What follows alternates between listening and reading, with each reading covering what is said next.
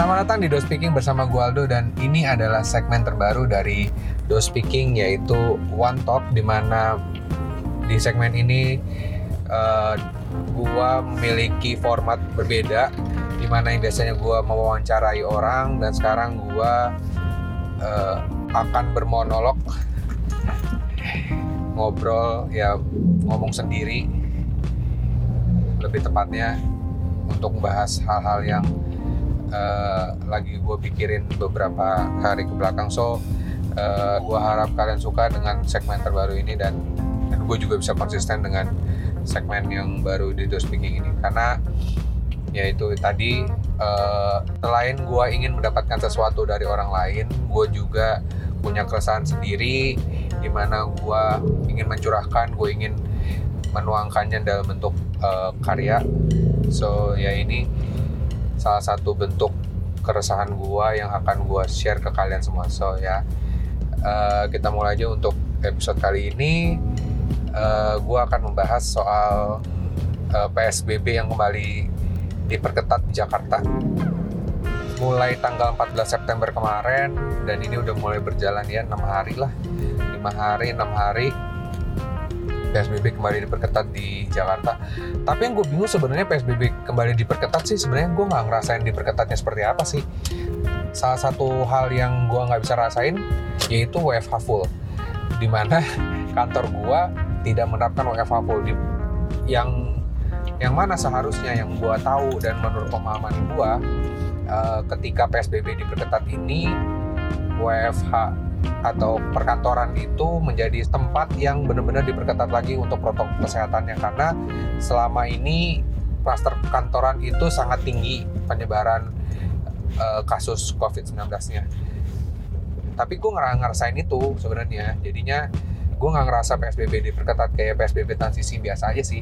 Cuman ya sekarang kalau uh, malam mingguan atau misalnya gue jalan-jalan keluar itu nggak bisa makan di tempat. Karena restoran pada nggak boleh dine in harus take away ya. Balik lagi ke zaman-zaman kita PSBB bulan April sampai bulan Juni kemarin.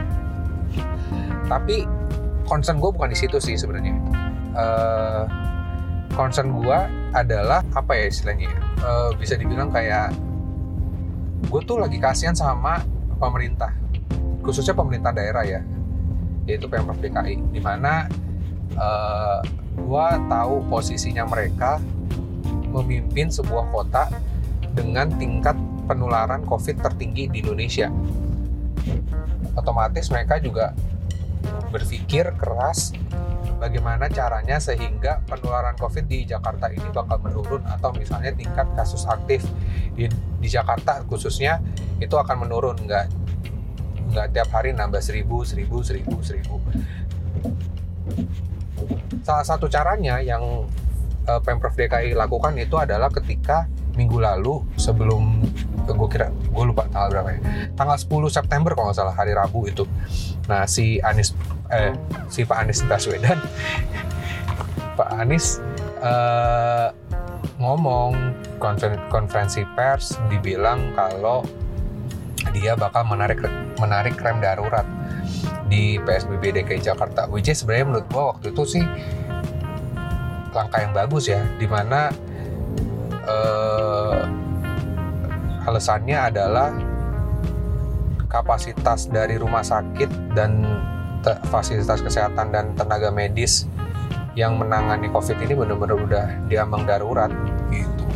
Nah, tapi jadi masalah adalah karena statementnya Pak Anies ini besokannya IHSG turun jauh karena dapat shock terapi sampai disuspend karena turunnya sudah melebihi 5%. Otomatis kayak apa ya kayak shock terapi gitu dong ke perekonomian Indonesia khususnya karena kan sebenarnya uh, kita bisa tahu bahwa Jakarta merupakan pusat ekonominya di Indonesia kan. Nah, keputusan ini juga ditentang lah sama menteri-menterinya Pak Jokowi, menteri-menteri di Kabinet Kerja Jilid 2 ya kan? Eh kabinet kerja jilid dua kabinet Indonesia Maju. Ya iya ya kalau nggak salah lupa gue. Pokoknya kabinetnya Pak Jokowi lah. Ya salah satunya sih Pak Erlangga Hartarto sebagai Menko Perekonomian. Dibilangnya bahwa si PSBB ini bisa uh, berpengaruh lah sama ekonomi segala macam. Dan adalah pertentangan yang lain. Terus kayak kata uh, Menkes juga sebenarnya kapasitas tempat tidur di Jakarta masih mencukupi gitu-gitu jadi kayak gak kelihatan sinkron dari antara pemerintah pusat sama pemerintah daerah. Nah, terlebih lagi di pemerintah daerahnya pun sebenarnya ke kelihatan seperti tidak didukung gitu. Nah, seminggu ini itu tuh banyak dibahas tuh masalah Jakarta dan pemerintah pusat ya kan. Nah, salah satu poin yang gua uh, ingin angkat di podcast kali ini adalah seben sebenarnya masalah di masalah politiknya. Di mana sebenarnya kalian yang perlu kalian tahu masalah COVID ini itu udah nggak cuman memikirkan masalah kesehatan, kemanusiaan, keekonomi dan sebagainya, tapi juga ada masalah politiknya. Uh, gua kasih gambar sedikit deh. Uh, COVID ini uh, keputusan-keputusannya, kebijakan-kebijakannya kan diambil sama pemerintah pusat sama pemerintah daerah. Nah, uh, ada bukan oknum ya, maksudnya ya bisa dibilang bahwa keputus apa ya ketika pemerintah pusat atau pemerintah daerah bisa menyelesaikan kasus COVID ini secepat mungkin di daerahnya maupun di negaranya itu akan ini kata ini kata pengamat pengamat politik ya. Itu akan menaikkan capital politiknya atau nilai politiknya untuk 2024 kita ambil contoh uh, untuk Pak Anies Baswedan.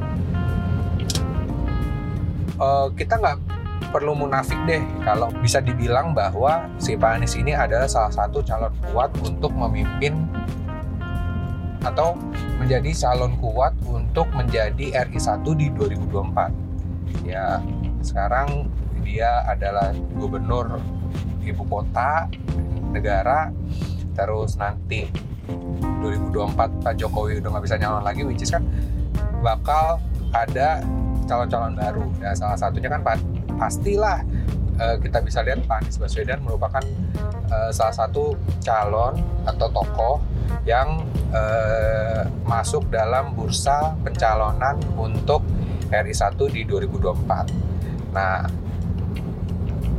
posisinya si Pak Anies sekarang sih dia ada di dua kepentingan.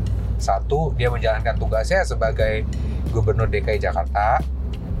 Tapi di sisi lain, dia pun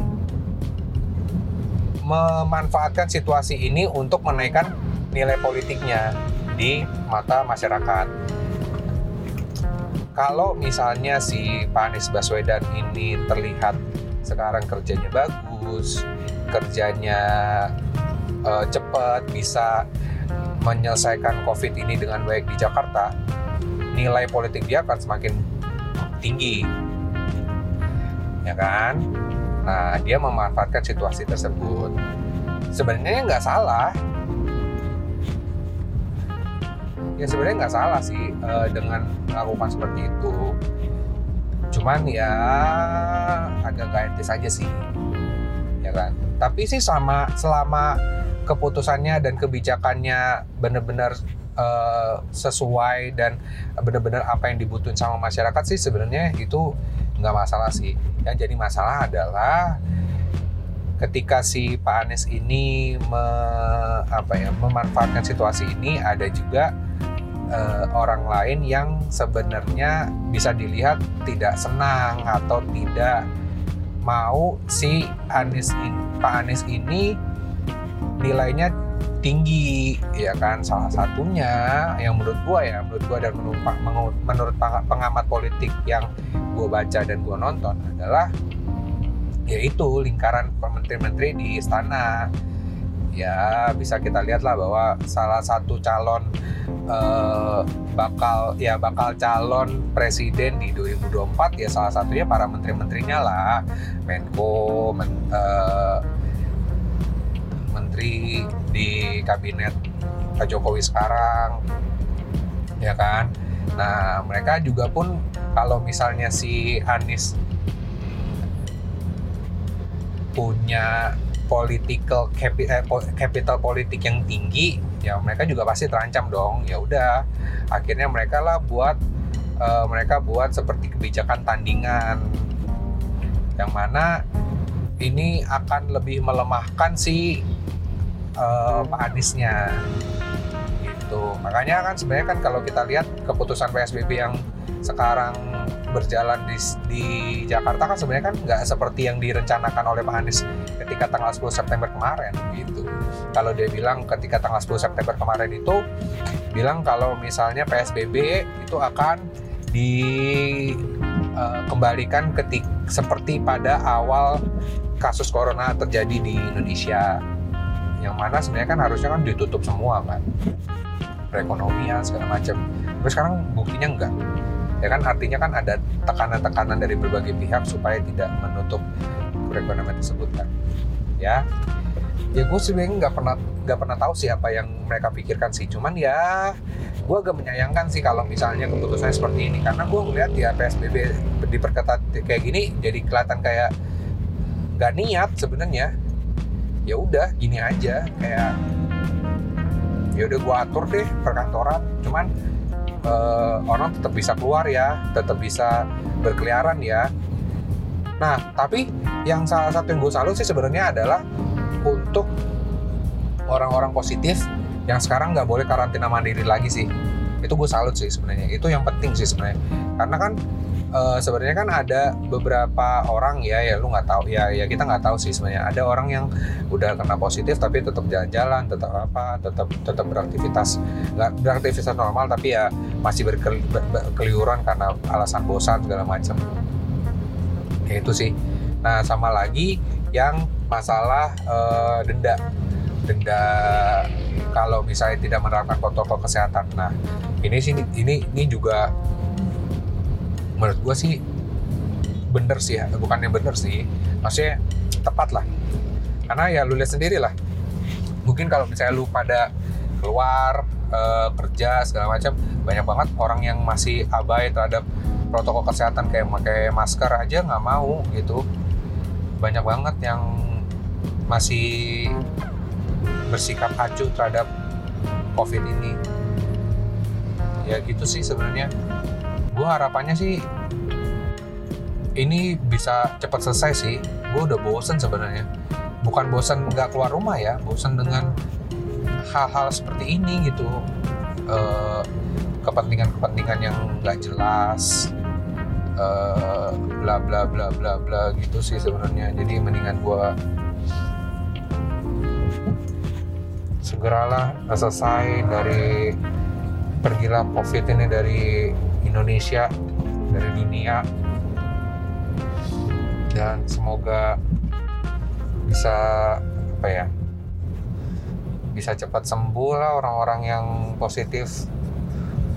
Oh ya dan dan gue juga kemarin kan nonton di apa namanya di Mata Najwa. Wisma Atlet nggak jelek-jelek amat kok buat jadi tempat karantina. Menurut gue udah mirip kayak apartemen gila. Jadi uh, eh, gue nggak tahu ya nih bakal yang siapa yang dengerin.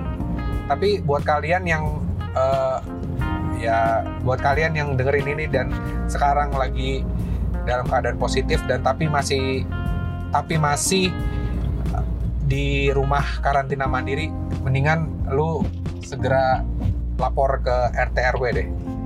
Biar cepet di bukan diciduk cepet di amankan ya diamankan jelek banget ya bahasanya ya. Aduh susah banget. Uh, bi biar cepat ditangani. Meskipun kalian oto OTG meskipun kalian OTG ya mendingan karantina mandiri di Wisma Atlet deh beneran deh. Kayaknya lebih enak. Dan lebih en lebih tentram kan? Jadi biar uh, apa orang-orang rumah yang lain juga nggak ikut ketularan kalau kalian ada di rumah. Ya itu sih sebenarnya. Tapi yang gue kasihan sih sebenarnya ada teman gue yang masih dari karan dari bukan dari karantina dari PSBB pertama PSBB transisi bahkan sampai PSBB udah diperketat lagi dia belum bisa belum bisa dengan bebas keluar rumah. Ini menarik sih gue akan coba undang dia ke podcast gue nanti. Ditunggu aja uh, wawancara gue sama dia gimana rasanya dipermainkan oleh PSBB aduh sulit sulit. Nggak enak gak sih lu kalau misalnya di hidup hidup lu harus ditutupi sama masker terus sepanjang masa? Nggak mau kan lu mendingan lu mendingan lu pakai masker sekarang dalam waktu tiga bulan 4 bulan atau misalnya maksimal setahun deh sampai vaksinnya dapat gitu. Terus uh, tapi semuanya udah bisa terkendali semuanya udah aman. Terus nanti kalau udah aman ya lu nggak usah pakai masker lagi gitu. Enak kan? Kayak dulu lu iya. Lu kalau nonton bioskop pakai masker nggak enak banget nggak enak banget loh nyetirnya mesti pakai masker sekarang sendirian bahkan ini gua ini gua tag di mobil. Masker gue turunin tapi tadi ada polisi gue langsung naikin. Makanya kalau misalnya lu dengerin tadi agak mendem suara gue ya udahlah tapi mesti begitu. Pak polisi jangan nangkep gue ya. Kayak gitu. Nggak enak gak sih? Pokoknya nggak enak lah pokoknya covid ini. Cepet lah beres karena gue pengen nongkrong pengen ke Holy Wings gitu. Pengen hangout gitu dengan bebas gitu. Nggak bisa jalan-jalan jadinya. Bosan gak sih lu? Mendingan lu cepetan gitu loh. Gue tuh anaknya ekstrovert banget sih makanya kalau misalnya disuruh kayak begini males gue susah. Tapi susah juga sih kalau misalnya jadi pemerintah ya. Kayak dilema banget antara mau nyelamatin manusianya apa nyelamatin ekonominya. Tapi gitu sih kalau misalnya nyelamatin manusianya ekonominya hancur tapi kalau nyelamatin ekonominya yang mau jalanin ekonomi siapa? Orang yang pada mati semua.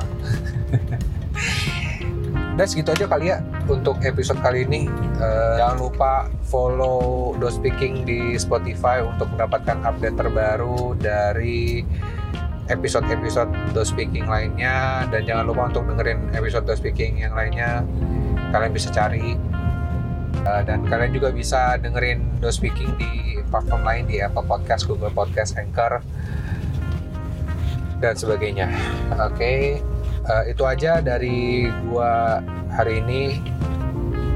Uh, sampai ketemu di episode selanjutnya di segmen One Talk. Aldo pamit dan have a nice day dan bye bye.